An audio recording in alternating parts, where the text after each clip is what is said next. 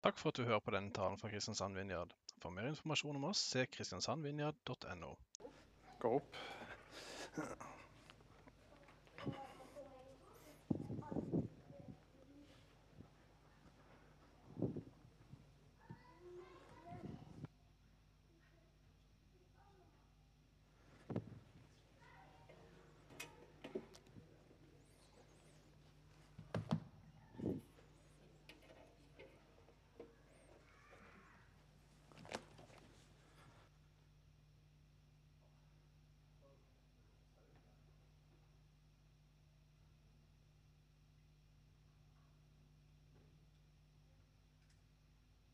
Der. Der, vet du.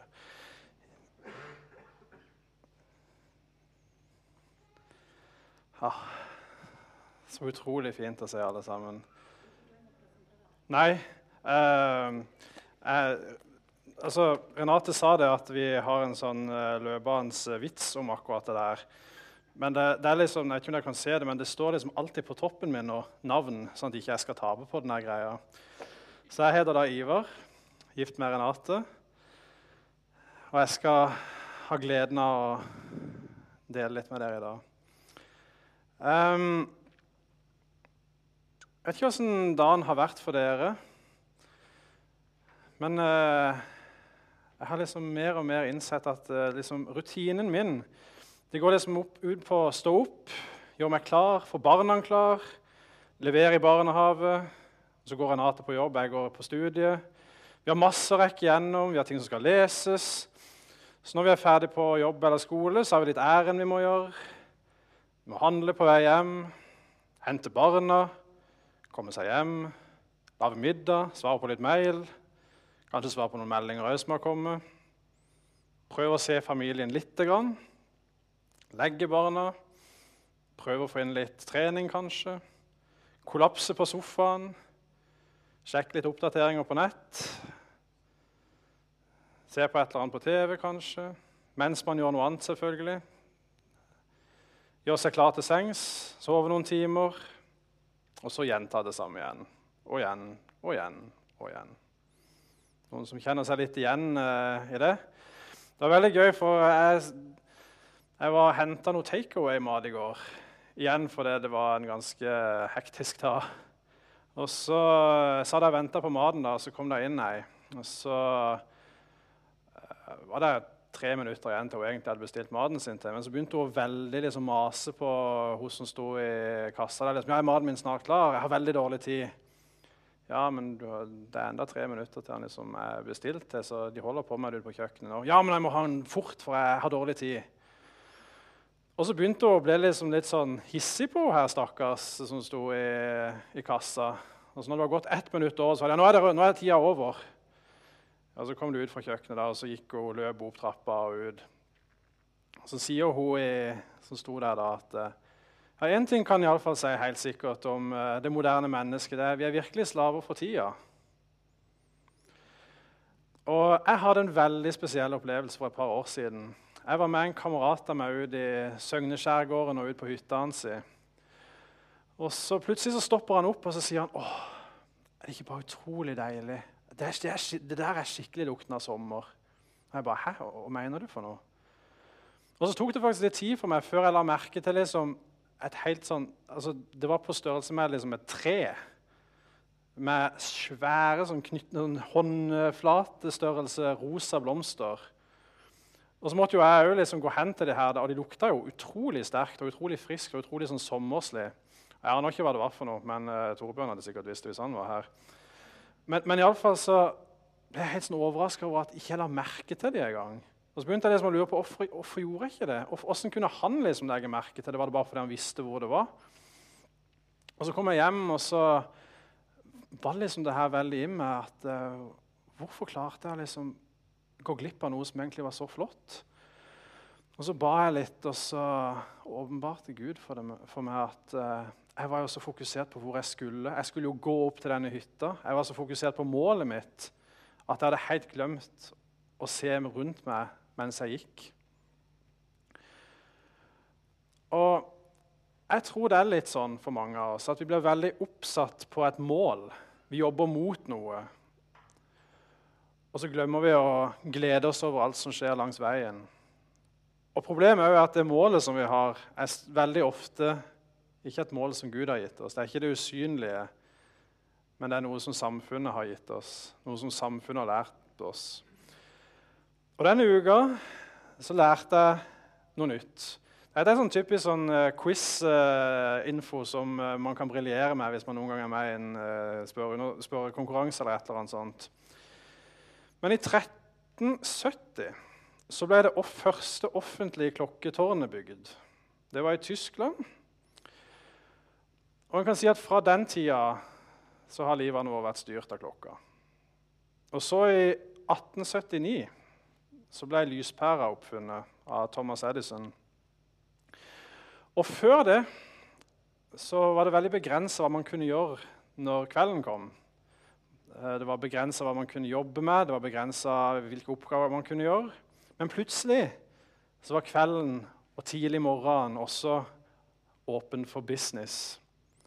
Og Det påstås at før det skjedde, så sov den gjennomsnittlige fall amerikaneren 10-11 timer om natta. Det er ganske mye. Eh, jeg kan nesten ikke huske sist jeg sov så lenge. Og så skjedde det jo veldig mye i den tida.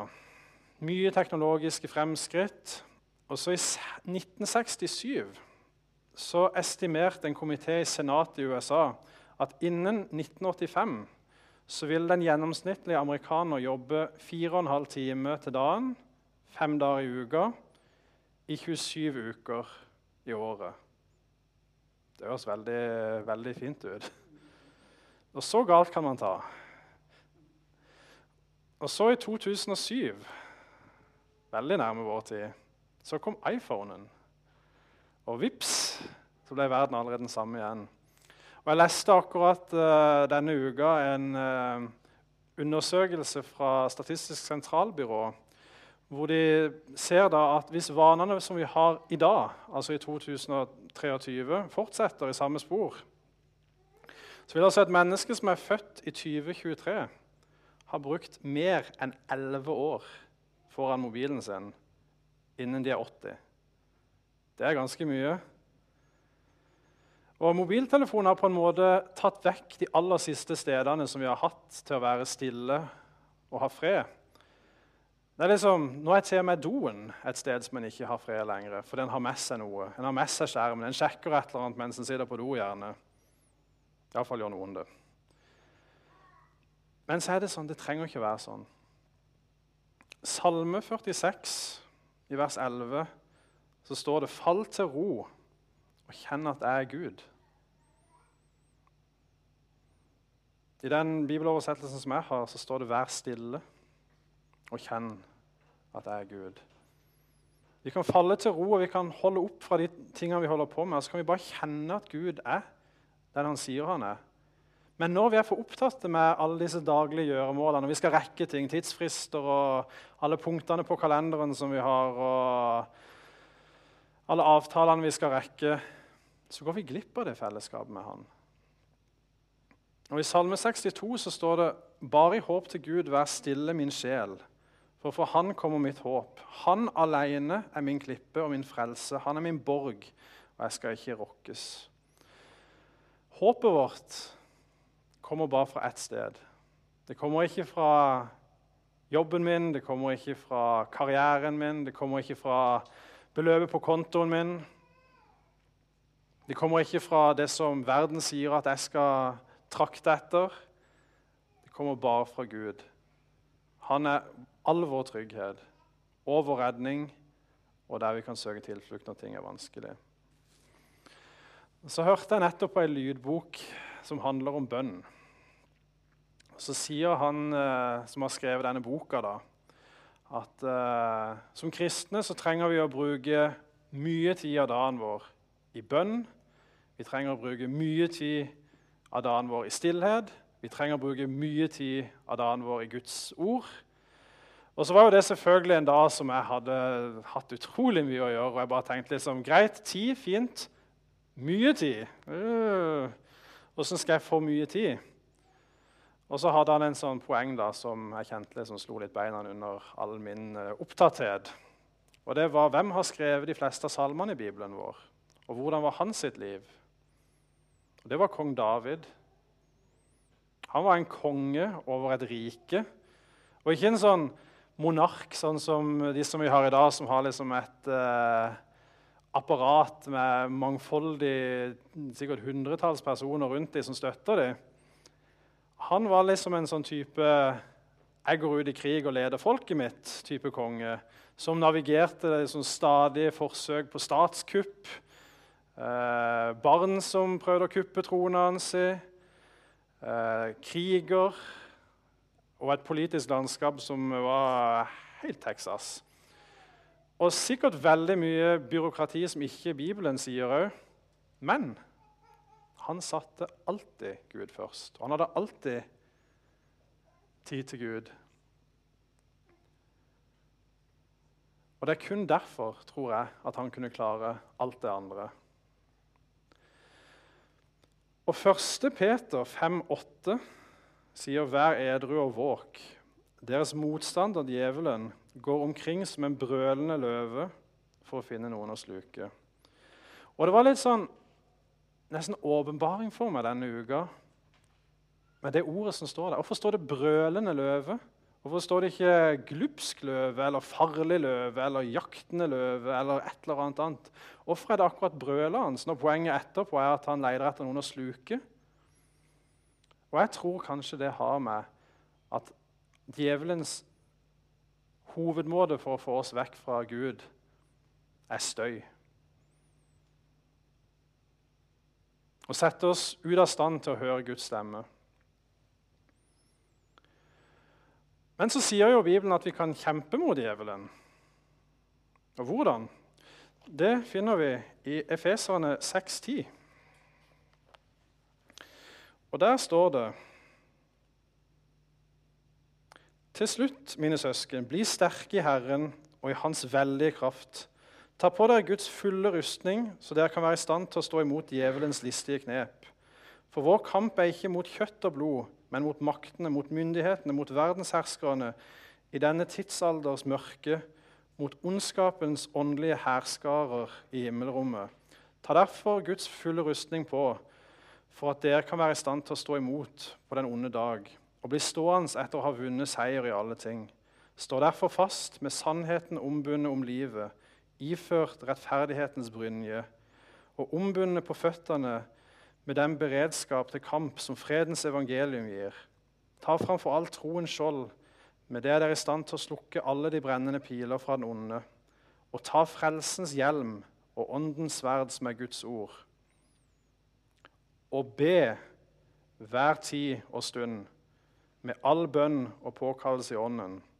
Slik skal dere være våkne med all utholdenhet og påkallelse for alle de hellige.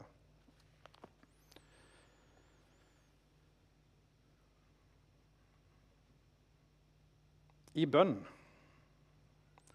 I den nye oversettelsen til Bibelselskapet 2011-versjonen så står det at uh, alt dette eller gjør dette i bønn. Ta på deg rustninga i bønn og legg alt fram for Gud. Bønn er viktig. Bønn er et våpen. Og så er spørsmålet hvordan ber vi? Hvordan ber vi disse bønnene som kjemper imot eh, mørket? Og jeg synes Det er spennende å se at disiplene spurte Jesus om hvordan skal vi be. For de visste jo allerede om alt det som var liksom, bønnerytmer til synagogen. De var jo vokst opp i dette og hadde jo dette veldig klart for seg. Men de la nok merke til noe med Jesus, at han hadde en spesiell nærhet til Gud. Og Det var nok det som jeg tenker gjorde de nysgjerrig på ja, hvordan kan vi egentlig be. Og Han lærte de den bønnen som vi kaller for Fader vår. Og Det er en utrolig flott bønn. Og Første del av bønnen så tenker jeg setter det fokus på tre veldig viktige ting i forhold til denne kampen vi har. Og Det er hvem er Gud? Hvem er vi?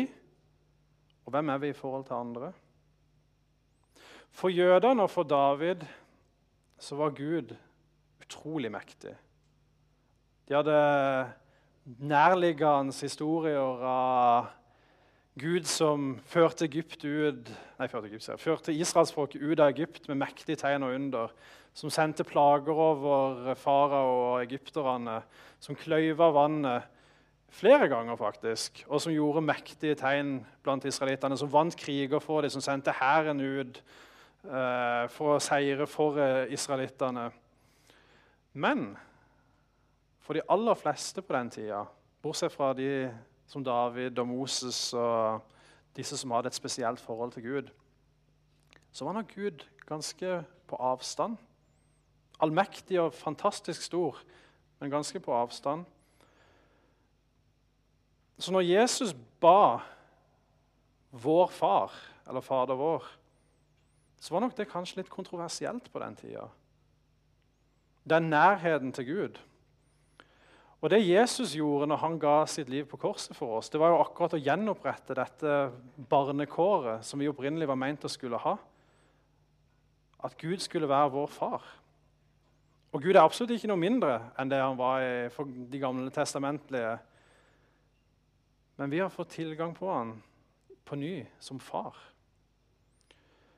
Når Jesus døde på korset, så revna dette forhenget inn til det aller helligste, som bare ypperste prestene kunne gå inn på enkelte tider av året. Og vi fikk tilgang til å komme fram for Gud. Det er hvem Gud er. Gud er både allmektig, enormt stor, i stand til alt. Og vi er hans barn. Gud er virkelig vår far. Og ikke en sånn feilbarlig, uperfekt menneskelig far, men en perfekt, kjærlig far, sånn som fedre skulle vært. Og Det betyr at vår identitet når vi ber til Gud, er som sønn eller datter.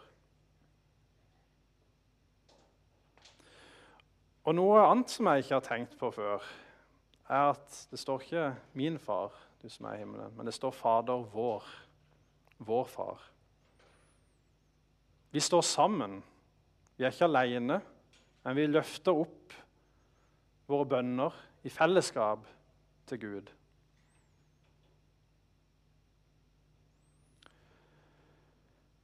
Og Så ber vi om at hans navn skal holdes hellig.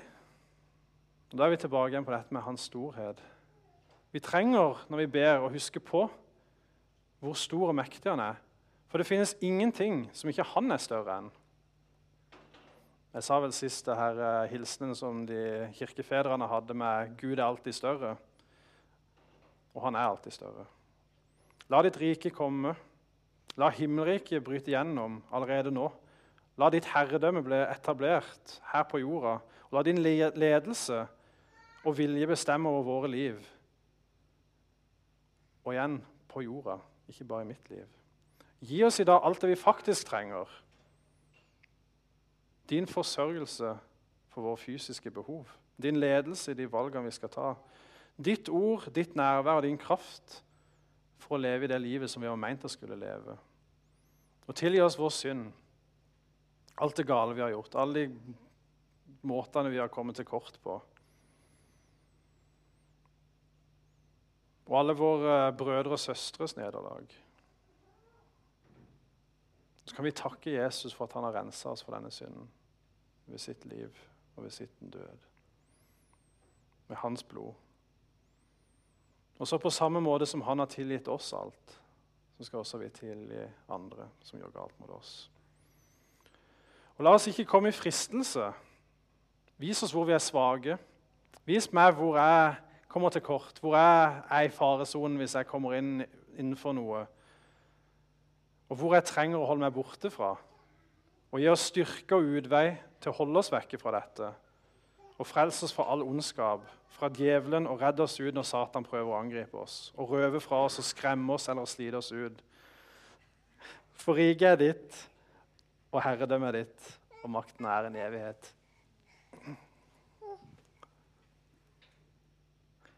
Ja.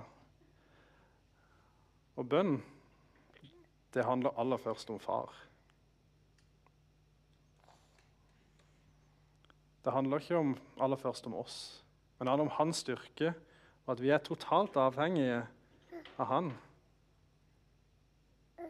Ja.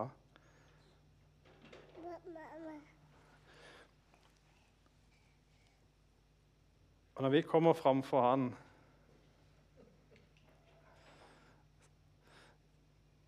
Det var det så spennende.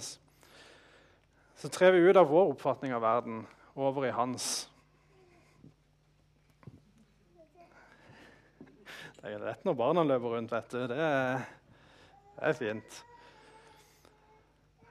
Så er det et utrolig fint vers i Filipperne 4,6 som sier at vær ikke bekymra for noe, men legg alt dere har på hjertet framfor Gud. Be og kall på Han med takk, og Guds fred som overgår all forstand, skal bevare deres hjerter og tanker i Kristus Jesus. Guds fred som overgår all forstand. Jeg vil ikke leve i det i et uh, utrolig hektisk og opptatt uh, samfunn? Men rett før det verset står, helt i slutten av kapittel 4, vers 5, så står det 'Herren er nær'. Og Vi trenger ikke være bekymra for noe, for det Herren er nær. Vi kan legge fram alt vi bærer på, for det Herren er nær. Og vi kan ha fred for det Herren er nær. Og Vi trenger virkelig å innse at Gud alltid er nær. Og ber vi sånn som Jesus gjør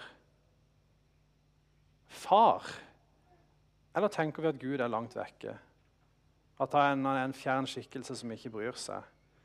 Kommer vi framfor Gud med en sånn 'Unnskyld meg at jeg forstyrrer deg.' Um, 'Jeg vet du er opptatt, men jeg hadde noen småting som jeg kanskje lurte på.' Jesus sier i Matteus 7, vers 7-11.: Be, så skal dere få. Let, så skal dere finne. Bank på, så skal det lukkes opp for dere. For den som ber, han får. Den som leter, han finner. Og den som banker på, skal det lukkes opp for. Eller hvem av dere vil gi sønnen sin en stein når han ber om brød? Eller gi han en orm når han ber om en fisk? Når selv dere som er onde, vet å gi barna deres gode gaver, hvor mye mer skal ikke da deres far i himmelen gi gode gaver til de som ber han? Jeg husker når jeg først leste disse versene, så var jeg litt sånn Yay! Jeg skal be om at jeg blir en milliardær, så jeg aldri trenger å tenke på penger mer. Men så står det i 1. Johannes brev at uh, fra kapittel 5, eh, vers 13 og utover. At dette har jeg skrevet til dere for at dere skal vite at dere har evig liv, dere som tror på Guds sønns navn. Og dette er vår frimodige tillit til Han, at Han hører oss når vi ber om noe som er etter Hans vilje. Og når vi vet at Han hører oss hva enn vi ber om, så vet vi at vi allerede har det vi har bedt Han om. Og Her er vi igjen tilbake igjen litt til det her med stillhet. Vi trenger å bli stille Sånn at vi kan bruke tida vår med Jesus. I bønn, i stillhet, i lytting, i Bibelen. I Bibelen så blir vi kjent med Gud og hans vilje. Og i stillheten så taler han til oss. Og I bønn så kan vi legge fram alt for Gud. Og Det er ikke sånn at vi trenger å be liksom fancy bønner. Det trenger ikke å være liksom fire bibelvers og liten, et lite gresk ord sprinkla inn her og der. Men vi kan være ærlige. Vi kan be ut våre innerste følelser og fortvilelser. David var veldig god på det. Salmene er enormt gode eksempler på det. Hvorfor, Herre, er du så langt borte? Hvorfor skjuler du deg når folk er i nød? Jeg dynker mitt leie med tårer hver natt. Senga drypper av gråt. Mitt øye er sløva av bitter sorg. Det er ufiltrerte bønner. Det er ikke en sånn eh, from bønn. Det er ren avhengighet av Gud.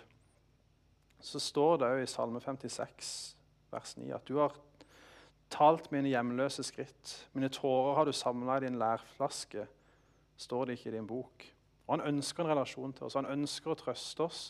Og all vår fortvilelse ser han til, og han elsker oss. Han elsker oss så høyt at han ga sin sønn for oss. Men hvis det er noen som er her som er litt sånn som meg, så trenger vi allikevel et par retningslinjer i forhold til bønn. Og Den ene, og den kanskje aller mest utfordrende, det handler om utholdenhet. I 1. Tessalonikerne 5,16 så står det 'Vær alltid glade'. Be uavbrutt. Takk Gud under alle forhold, for dette er Guds vilje med dere i Kristus Jesus. Vi skal be uavbrutt. Det er ikke en sånn 'Jesus, nå trenger jeg at du gjør noe for meg.' Nei, da gjorde han ikke det, gitt. Da får vi prøve noe annet. Vi må ikke gi opp, vi må ikke stoppe å be. Men vi må fortsette å be. Og selv om vi ikke ser løsninger, så må vi fortsette å be. Og selv om det ikke går over, så må vi fortsette å be. Og så må vi ikke bare be. Men nummer to også er vi må stoppe opp og lytte. For til og med bønnelivet vårt kan bli for opptatt og for prega denne uh, tidsklemma. Jeg vet ikke hvor mange ganger jeg har liksom tatt meg sjøl i å liksom be et eller annet sånn Jesus, hjelp meg i dette som jeg står i akkurat nå. Og så, for, så ser jeg for meg Jesus litt som en sånn Han prøver å komme til, men så fortsetter jeg å be, og så fortsetter jeg å be. og så er det liksom sånn Jesus, skal jeg gjøre dette? Nå skal du høre. Ja, eller skal jeg gjøre dette? Ja, eller kanskje dette er den gode ideen? istedenfor å stoppe opp og lytte. Salme 130 så står det at jeg setter mitt håp til Herren. Jeg lengter, jeg venter på Hans ord. Min sjel venter på Herren mer enn vektere på morgenen. Vektere på morgenen. Vent på Herren Israel, for hos Herren er miskunn og kraft til å løse ut. Og Jesus han dro bort for å be. Han dro opp på fjellet for å be, for å være alene sammen med Gud. Han var der hele natta av og til. Han brukte tid i stillhet sammen med sin far. Og Han sier sjøl at han gjør ikke noe som ikke han ser Faderen gjør, eller sier noe som han ikke hører Faderen si. Og Vi trenger å være like påkobla som det Jesus var. Og Til det trenger vi Jesus, vi trenger Guds ord, vi trenger stillhet og vi trenger bønn. Og gjennom stillheten og bønnen og Guds ord så skjærer Jesus gjennom alt bråket og viser oss veien, sannheten og livet. Og ikke sånn som samfunnet vårt forsøker å vise oss det.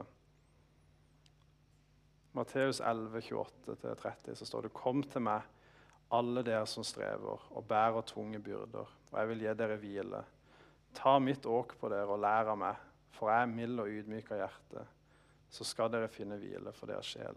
For mitt åk er godt, og min byrde lett.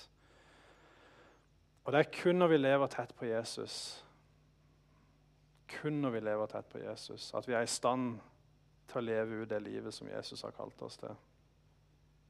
Uten det så vil alt bare føles som overveldende slit.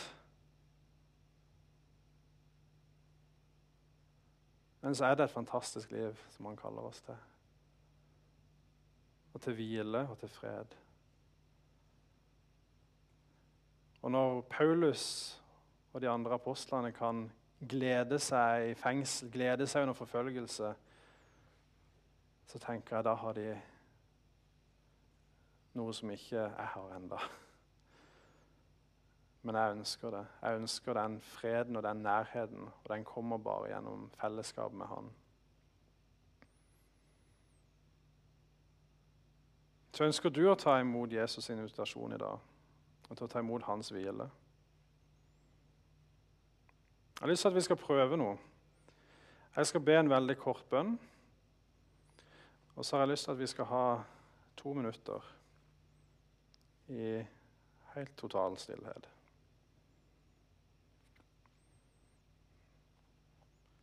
Er dere med på det?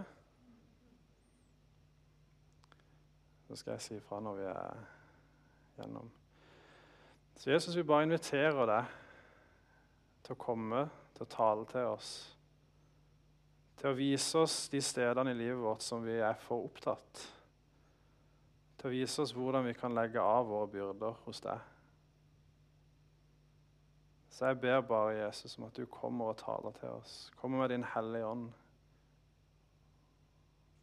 og viser oss det som du har for oss. så vil vi bare være stille framfor deg og vente på deg.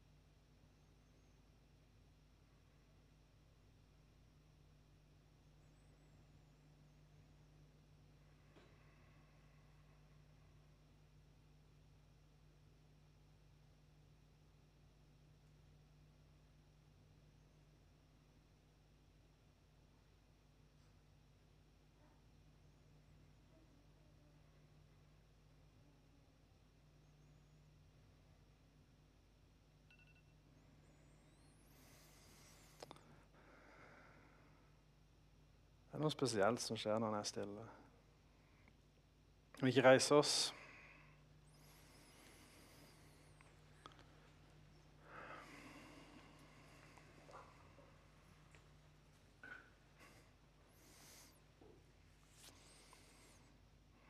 Jeg takker deg, Jesus, for at uh, du er her. Jeg takker deg for at uh, du taler til hver og en av oss. Og Jesus, jeg ber om at bønn og stillhet og tid i ditt ord blir til en stor del av livene våre. Jeg ber om at hver gang vi hører om urett, at vår respons er at vi går ned på kne og vi søker deg, og vi kjemper i bønn, i utholdenhet for all urett som skjer. Jeg ber om at hver gang noe skjer med oss, noe vi er urolig for, at det er samme respons.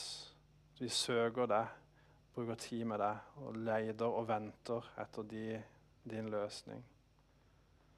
På samme måte som israelittene når de vandra i ørkenen, venta på at du skulle flytte deg før de flytta seg.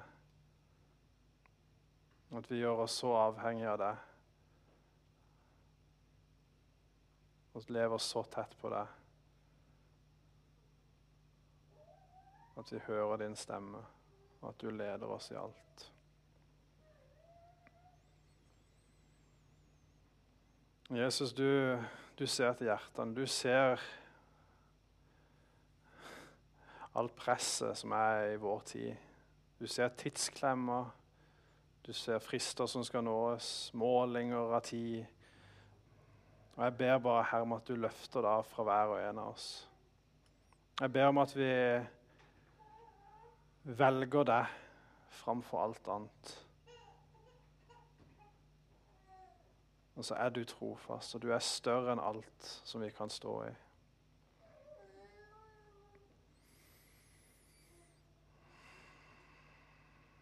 Og Så kan bønn se forskjellig ut for hver og en av oss.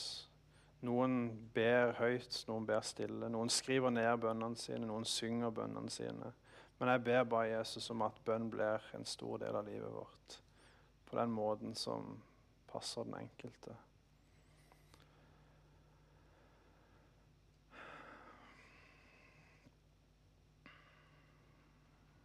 Amen. Når jeg forberedte meg til i dag, så var det tre ting som jeg følte Gud talte om. Det ene var frykt.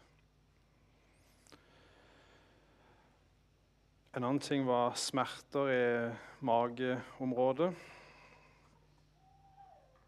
Og det siste var jobb og økonomi. Hvis du kjenner på noe av det, så tror jeg Jesus vil helbrede, møte, gi visdom inn i disse tingene.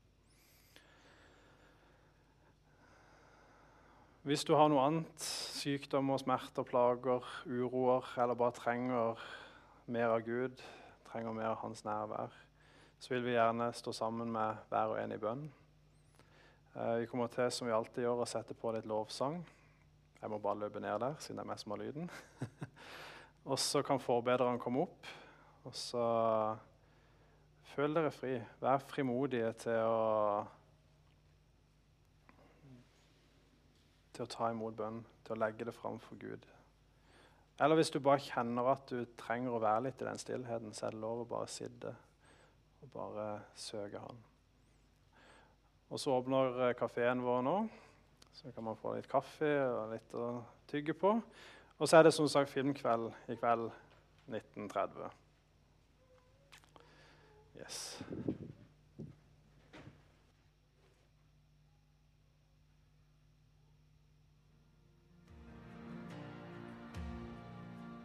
Takk for at du hørte på denne podkasten. Ta gjerne kontakt med oss via vår Facebook-side Kristiansand Vinjard, eller besøk oss på Vågsbygd ringvei 100 i Kristiansand. For mer informasjon om hva vi gjør og hvordan du kan bli involvert, gå inn på kristiansandvinjard.no.